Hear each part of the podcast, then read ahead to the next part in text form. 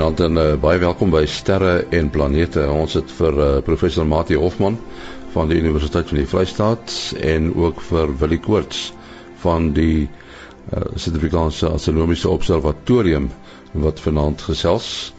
En uh, ons gaan ook hoor hoe die son hom gedra en dan is daar nuus oor 'n uh, amateursterrekunde byeenkoms in die Karoo. Maar voor dit so 'n paar brokkies ruimte nuus. Ja, ons begin vanaand met 'n letterlike brokkie nuus uit Noorwe. 'n Gesin in Oslo het hulle tuinhuis vir die eerste keer die seisoen besoek en 'n stuk meteoriet van 585 gram gevind wat deur die dak geval het.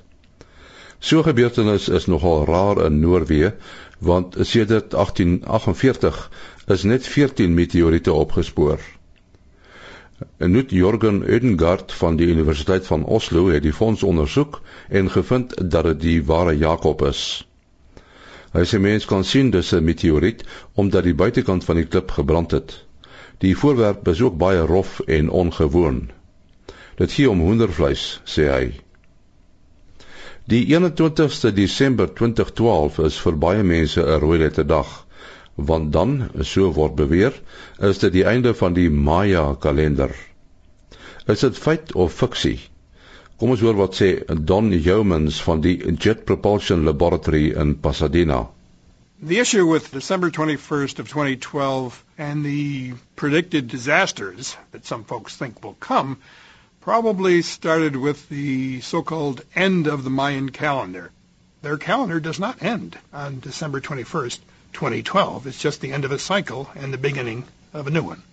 It's just like on December 31st, our calendar comes to an end, but a new calendar for the next year begins on January 1st. Nou, ons sal in die program so dan en wan vir Don aan die woord stel oor ander feite of fiksie. En dan herinner ons u net weer aan ons sterre en planete aan by die Soetdoring Natuurreservaat naby Bloemfontein op Saterdag 31 Maart. Die klem die aand gaan val op die maan en Mars. Mars is tans redelik naby aan die aarde en luisteraars sal kan sê om die rooi planeet deur 'n teleskoop te sien. Die maan is ook dan 53% vol en Mati Hofman sal mense met behulp van sy teleskoop as ware op 'n toer oor die maan se oppervlak neem. Dit sluit aan by Johan van der Berg, 'n landbouweerkundige van Santam Landbou se lesing oor die maan se invloed op ons weer.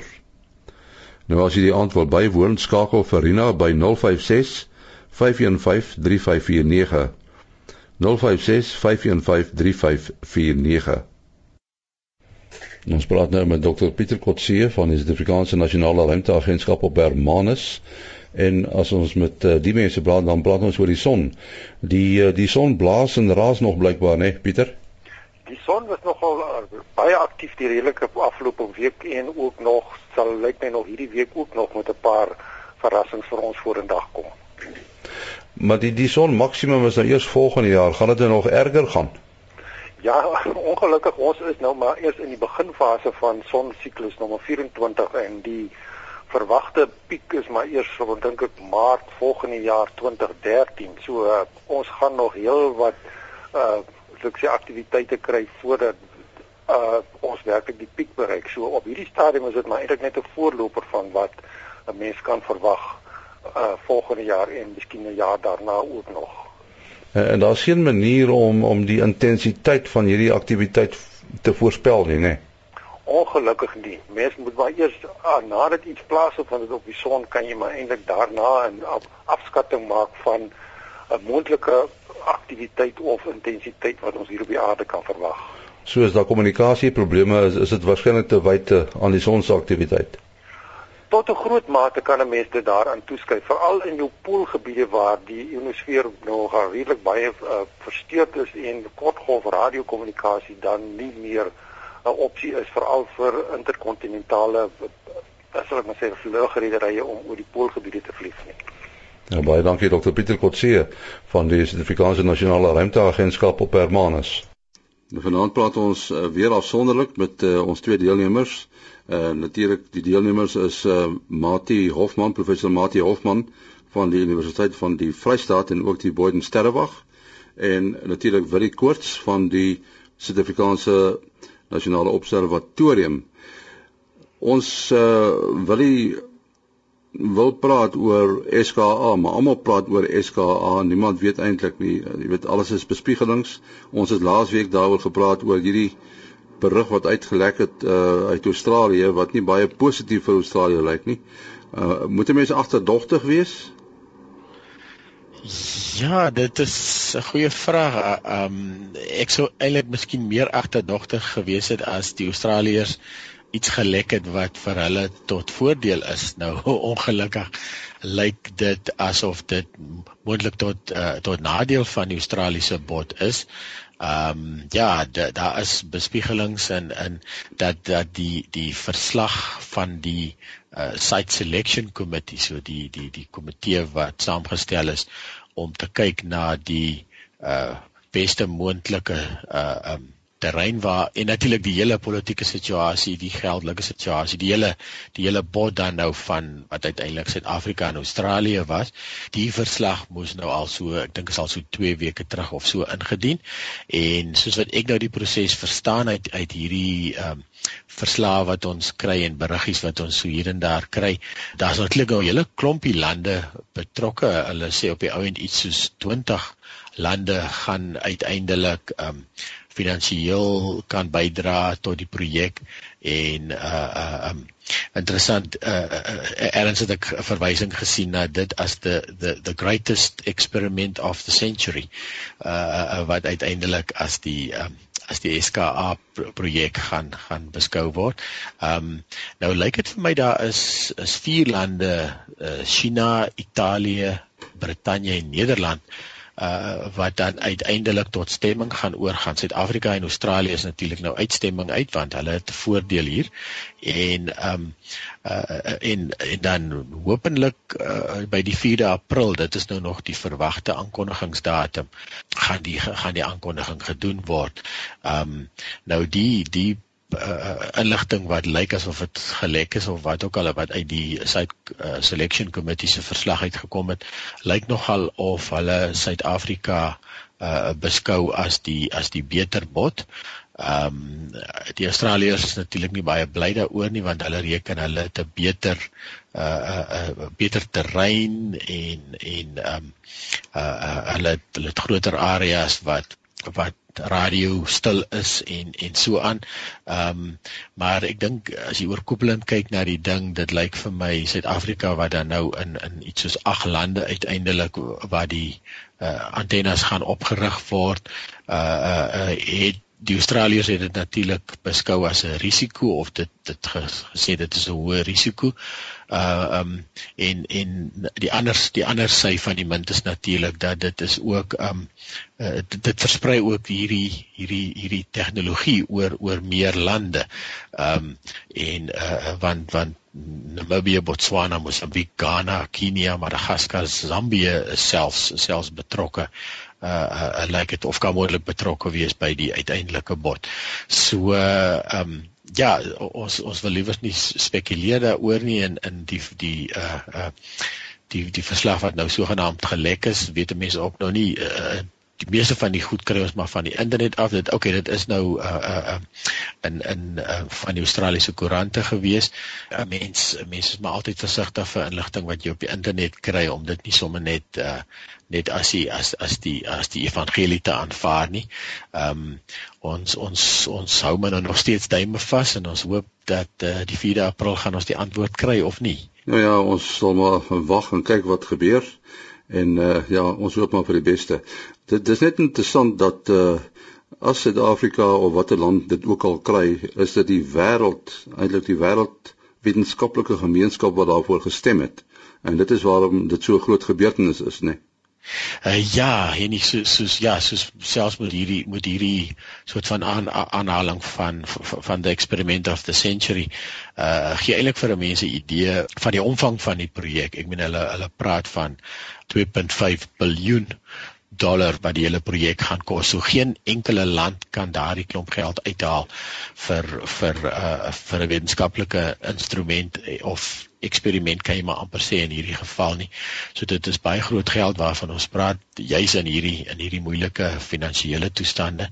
Uh 'n hele klompie lande sal sal dan deel in die in die koste en dan uiteindelik dan ook deel uh, in die resultate uh, uh wat wat vir ons eintlik ongelooflike wat wat hulle noem in Engels in Engels cutting edge um uh wetenskap sal sal gee iets wat nog nooit voorheen uh, gesien is nie en waargeneem is nie en en en moontlik was om om die om die klas uh, uh, van observasies te doen nie.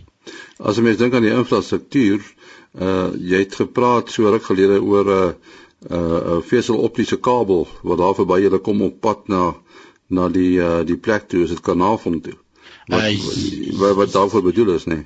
Ja, dis ja, dit is natuurlik nou waar waar die huidige ehm um, die kat die Karoo ry teleskoop wat natuurlik nou die die 1% demonstreerder was wat nou intussen meer geld gekry het en toe hom baie oulike Afrikaanse woord meerkat gemaak en en uh um wat uh, dan uiteindelik 64 skottels gaan wees uh wat in die Konaven distrik dit is dit is daar in die omgewing is die is daar in die die hoofkantoor en um die ek dink die SKA se se se se sentrum is al presies bepaal nie ek dink as die as die bot natuurlik nou deurkom en ons het uh, uh openlik gehoor dan sal die ontwerp van die van die uh, teleskoop natuurlik nou in volle swang kan kom. Ehm um, hulle reken by 2016 behoort 'n uh, konstruksie te begin en ehm um, ek dink die voorlopige uh middelpunt was baie naby aan waar die waar die SK ag waar die um, meerkat se middelpunt daar in die omgewing van Kanaven is. Ja, so infra, is infrastruktuur want want selfs net om die uh meerkat uh te bedryf het jy uh baie hoë spoed internetverbindings nodig. Jy het um hoë spoed kommunikasie tussen die verskillende antennes nodig. Uh 'n massiewe hoeveelhede data wat afkom wat uh daar's eintlik nie 'n kans om die goeders te stoor elders nie. So hulle moet on the fly, hulle moet in in in in regte tyd in real time uh, mm word dit moet dit verwerk word ehm um, want dit is net 'n uh, onsaglike hoeveelheid data. So uh, ja, so ons ons het nou bietjie voordeel getrek in in Sutherland ehm um, met hulle te sy tak ingesit uh, uh, na hierdie uh um, Ja, dit is so bitter nodig net. Ja. ja, ja, wel ons het ons het nou al die jare aan aan wat hulle bandwidth starvation gelei uh van die van die salt projek uh, gebruik natuurlik ook groot hoeveelhede data en nou van salt uh op op volle gang is uh kom die data af teen teen baie hoë tempos en dit moet na die verskillende lidlande toe uh, versend word ensovoorts. Jy het gesê 66 teleskoop uh skottels vir meerkat. Hoeveel gaan SKA hê? Uh ja, dit is 64 vir vir vir meerkat, ja. Ehm um, ek ja, soos ek sê, ek, ek dink amper die die die die konsepontwerp uh uh kan ek nou ook nie so uit my kop uit onthou nie, maar dit was dit was ten minste 1000 of so want kyk as ons nou net moet dink die die vierkante kilometer wat hulle van praat is natuurlik die totale ontvangsarea. So dit gaan nou nie die die skottels gaan nie 'n vierkante kilometer staan nie. Die skottels se se onta se totale ontvangsarea gaan 'n vierkante kilometer wees. So daar uh uh, uh beplan 'n klompie uh wat hulle 'n kluster 'n 'n sentrum van van skottels wat redelik naby mekaar gaan staan en dan gaan daar ook skottels verder verder uit lê wat vir alle vir ander doeleindes gebruik word, maar hulle gaan uiteindelik uh, in samewerking met die met die groepie in die middel sal hulle ook gebruik word. Maar dan ver, ver, verbreek jy eintlik jou basislyn. So dit is so goed soos 'n optiese teleskoop mm. waarvan die lens al hoe groter en groter word, want dit gaan eintlik vir jou die resolusie gee. Wat is jou besonderhede? Ja, mense kan my bel of SMS uh, 072 4579 208 072 4579 208 Baie dankie vir die koers van die SAAO Nou ons gesels met uh, Johan Smit van die Pretoria tak van die uh, sterrekunde vereniging van Suid-Afrika. Nou hulle het so elke nou en dan het hulle so 'n sterrekunde uitstappie waar die amateur sterrekundiges heen gaan en uh uh sommer een van die dae het julle mos ook 'n uitstappie Karoo. Toe vertel ons daarvan Johan. Volgende week van die 21ste tot die 25ste Maart ehm um, dan kom ons daar in die Karoo net noord van Brisbane bymekaar om 'n bietjie kwaliteit sterre te kyk, bietjie donkerte te sien. Is dit baie donker by Britstown? Daar was al mense gewees by een van ons vorige byeenkomste wat ook op Sutherland was en hulle sê die lig daar staan geensins terug vir Sutherland. Dis in die middel van die Karoo. Jy kan nie beter nie. Ek het ook al mense hoor kla, hulle sê daar's te veel sterre, jy weet nie waar om te begin nie. Dis nogal waar. Dit ehm um, as ons nou daar kom, dan kyk jy nou die eerste keer eerste vir die goed wat jy nou hier in Pretoria kan sien. Daar sien jy dit nou soveel beter. Maar nou, om daai goed te kry, is daar 'n klare probleem. Hierso kyk jy in jou soekteleskoop en jy sien so 3 of 4 sterre. Daar kyk jy in die soekteleskoop en jy sien 'n paar honderd. Ehm um, jou dowwe sterre daar lyk soos helder sterre. Dis nogal 'n probleem. So jy hele soek hoofsaaklik na diep ruim goed. Onder andere weet want daar is ding goed wat ons nou maar nie hier in Pretoria kan sien nie. So jy wil nou graag in 'n donker plek kom dat jy nou dan 'n kans kry om hulle ook te kan sien. Maar jy kyk maar na jou ehm um, gunstelinge ook. Is dit die eerste keer dat jy so by einkoms daar het?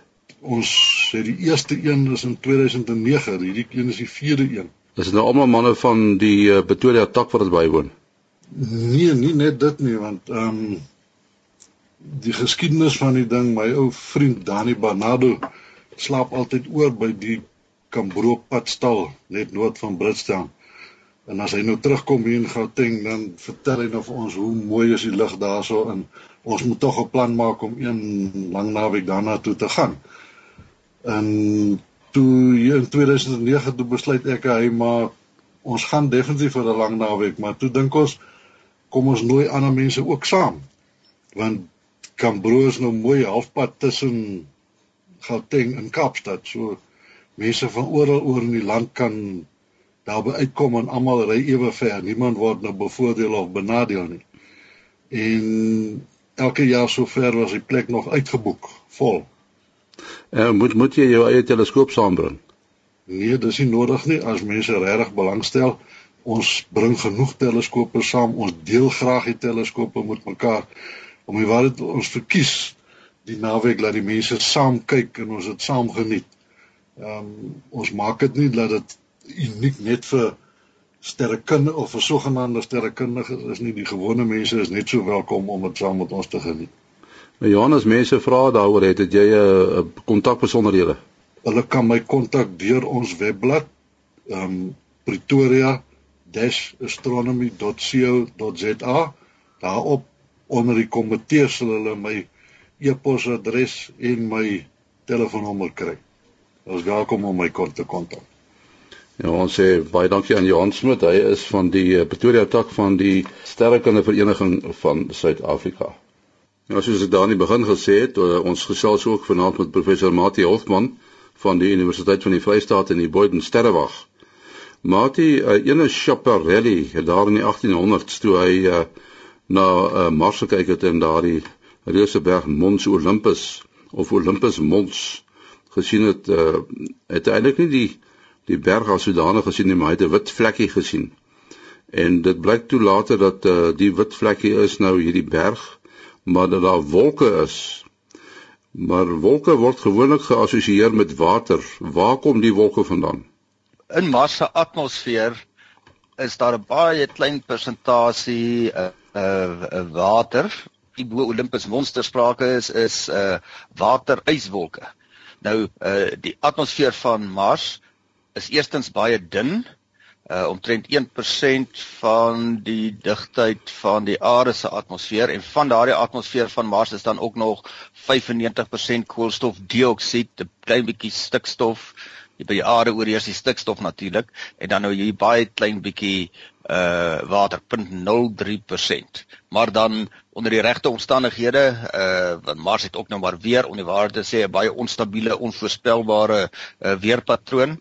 Uh en dan kan jy nou saam met die uh, uh dis dan dieselfde fisika wees op aarde, jy het lugstrome, jy het hierdie groot berg wat die bietjie vochtige lug opvat en dan kan dit nou uh bymekaar kom kondenseer, maar omdat dit so koud is, gaan dit uh in die vorm van waterys wees.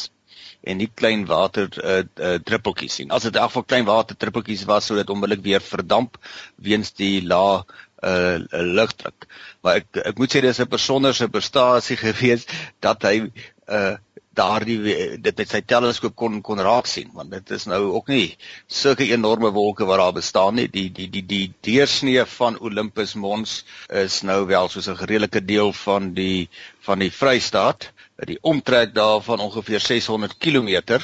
So jy kan sê die wolke kon daar 'n hele klompie kilometers in deursnee wees. Maar selfs onder goeie omstandighede moet mens mooi kyk om die poolkappe van Mars raak te kan sien en dit is baie groter. So ek dink nogal dit was 'n uh, baie goeie ontdekking vir daardie tyd. Uh hulle het, hulle het reeds redelik vroeg van hulle nou in detail na Mars kom kyk het hulle vermoed dat daar 'n berg is. Maar dit nou maar uh, hy vertoon anders as 'n bietjie donkerder kol en dan by geleentheid die wolke. Dit is eers baie baie dekades later toe die ruimtetuie daar naby verbygevlieg het wat hulle nou kon sien van die kant af, die profiel sien van 'n berg. En de en daardie eerste foto's was geneem deur Mariner 9 nog. Nou die poolkappe van Mars, uh dis nou die noord en die suidpool. Uh, is dit ook waterys? Ja. Uh ja, daar's baie waterys. Daar kan ook uh, uh ys van koolstofdioksied wees. Maar daar's beslis baie waterys en soos die seisoene verloop, Mars het ook seisoene, uh gaan die poolkappe groter en kleiner word. Die die weer wat jy van gepraat het, uh, dat hy 'n redelike stormagtige weer het, uh Hy hy het nogal baie wind, nee, daar daar's baie stofstorms. So ek sê dit is tog vir ons moeilik om vanuit on, vir, vir ons hier op aarde sal klaar moeilik om ons weer te verstaan en nou moet jy jou in heeltemal 'n ander opset indink met 'n atmosfeer wat 100 maal dunner is. Maar jy kry hierdie baie sterk winde en dan geweldige stofstorms wat 'n hele groot deel van die hele planeet op 'n slag kan toemaak onder die stof. En Olympus Mons is blykbaar van die stowwerigste plekke. En mense sal nou dink as 'n ou vulkaniese uh wel, die oorblyfsels van 'n ou vulkaan dat dit nogal 'n interessante plek sal wees vir hulle om nou uh landingstye soos die rovers heen te kan stuur, maar blykbaar gaan dit nie werk nie. Uh daar is te veel stof, hulle gaan nie kan lekker rondry daar nie. En in die eerste plek gaan hulle nie kan lekker sag land nie. Die die hoogte van Olympus Mons bo die omringende vlakte is 22 km. So dit is baie hoër as enige berg op die aarde ten opsigte van uh van seevlak en dit het die die, die effek dan dat die atmosferiese en digtheid op daardie hoogte is maar 12% van Mars se tipiese atmosferiese druk. So ons praat nou klaar van 'n baie lae druk, 1% van die aarde se en dan het jy nou nog 12% daarvan. En uh om tye te laat land op Mars, het jy 'n valskerm nodig en die valskerm gaan nie daarso werk nie. Die die die die atmosfeer is net eenvoudig te dun. Uh So vir die huidige moet ons tevrede met wees wat hulle wat hulle uit die vele Mars verkenningstye en so meer wat daar om hom gewentel het van Olympus Mons kon agterkom en dit is al, al, in elk geval al noemenswaardige detail. Soos die die Mars Global Surveyor wat Mars in groot uh, detail afgeneem en gekarteer het. Ja, dis die grootste berg of die hoogste berg in ons sonnestelsel se hele. Ja, ja, ons het nou vir ons probeer voorstel hoe groot dit is. Ons Suid-Afrikaners ken almal Tafelberg en as jy Tafelberg vanaf die see af baie naby aan 1 km. So sit 22 Tafelberge bo op mekaar hmm. om die hoogte te kry. Maar nou moet mens net onthou dit gaan nie vir jou so lyk as jy daar is nie omdat hy so breë basis het. Die helling is baie gelykmatig. Soos ek sê dis 'n redelike deel van die Vrystaat wat hy gaan toemaak en as jy nou so end weg staan of naby die voet Olympus Mons staan, gaan jy nie eers sy piek kan sien nie, want hy buig af. Uh jy gaan sien hier's 'n berg wat voor jou opgaan, 'n helling wat net nie ophou nie. En die helling oorskry selde meer as 5 grade. So dis 'n relatiewe klein helling, dis 'n baie plat gelykmatige berg. Die rede hoekom uiteindelik so hoog is is omdat sy basis so so breed is. En dis nou maar die kollektiewe effek van een vulkaan na die ander wat die lava so gevloei het en opgebou het. Ehm um, So as 'n bietjie anders daaroor dink as die die hoe ons op die aarde aan 'n berg gaan dink, maar hmm. as jy van buite af kyk, dan uh, op 'n af baie groot afstand, dan lyk dit soos 'n berg. En dan 'n ander en aardige ding van van die baan van Mars is hierdie sogenaamde retrograde beweging. Maar dit is 'n oënskynlike retrograde, dit is 'n terugbeweging, is oënskynlik. Ja, en dit is 'n uh, uh, iets 'n beweging wat dit nou vir mense lyk of hy so vorm S in die ten opsigte van die sterre maak. Hy gaan in 'n rigting wat normaalweg uh beweeg die voorwerpe nou in die oostelike rigting, maar dan 'n rukkie gaan hy wes en dan gaan hy weer o, o, uh, oos en dan maak hy nou hierdie S.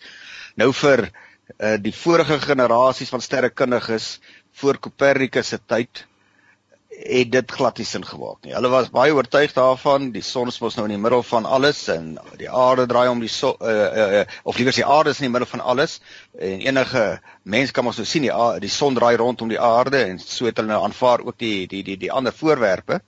Uh, Daardie geosentriese model kon baie dinge verklaar, maar hierdie retrograde of terugwaartse beweging het net nie daarbinne sin gemaak toe by die Copernicus model wat later deur Galileo nou ook bevorder is, uh het hulle toe 'n uh, baie beter model gekry en hulle die son in die middel van alles geplaas. Nou, vandag weet ons is amper die waarheid, maar die son is nou ook nie in die middel van die heelal soos hulle gedink het nie, maar hmm. dan in die middel van die sonnestelsel.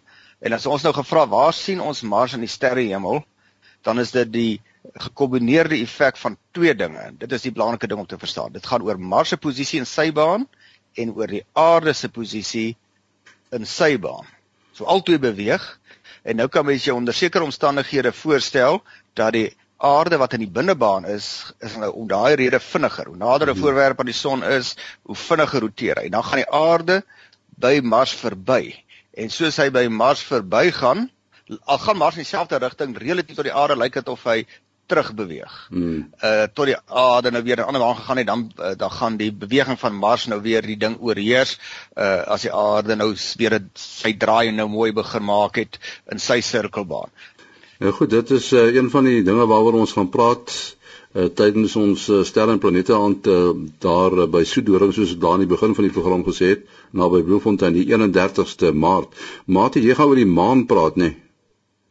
Ja, die maan is uh, relatief naby aan ons, so net onder die 400 000 km. Dit maak dit 400 maal nader as die naaste ster, naamlik die son. En om die rede weet ons baie van die maan. Uh dis spite daarvan dat uh daar al baie uh ruimtetuie rondom die maan gewentel het en ons selfs daar geland het, is daar nog baie dinge wat ons nie weet nie. Byvoorbeeld wat gaan in die middel van die maan aan? Uh wat is die geologiese geskiedenis? Uh van die maan wanneer was die laaste noemenswaardige aktiwiteit? Maak jy jou besonderhede? Uh selfoonnommer 0836257154 0836257154 Ja dan net weer die telefoonnommer wat jy moet skakel as jy die Soetdoring sterre en planete geleentheid op die 31ste Maart wil bywoon. Dit is Arena by 056 515 3549 056 515 3549 en daarmee ook die einde van ons program sterre en planete. Tot 'n volgende keer. Alles van die beste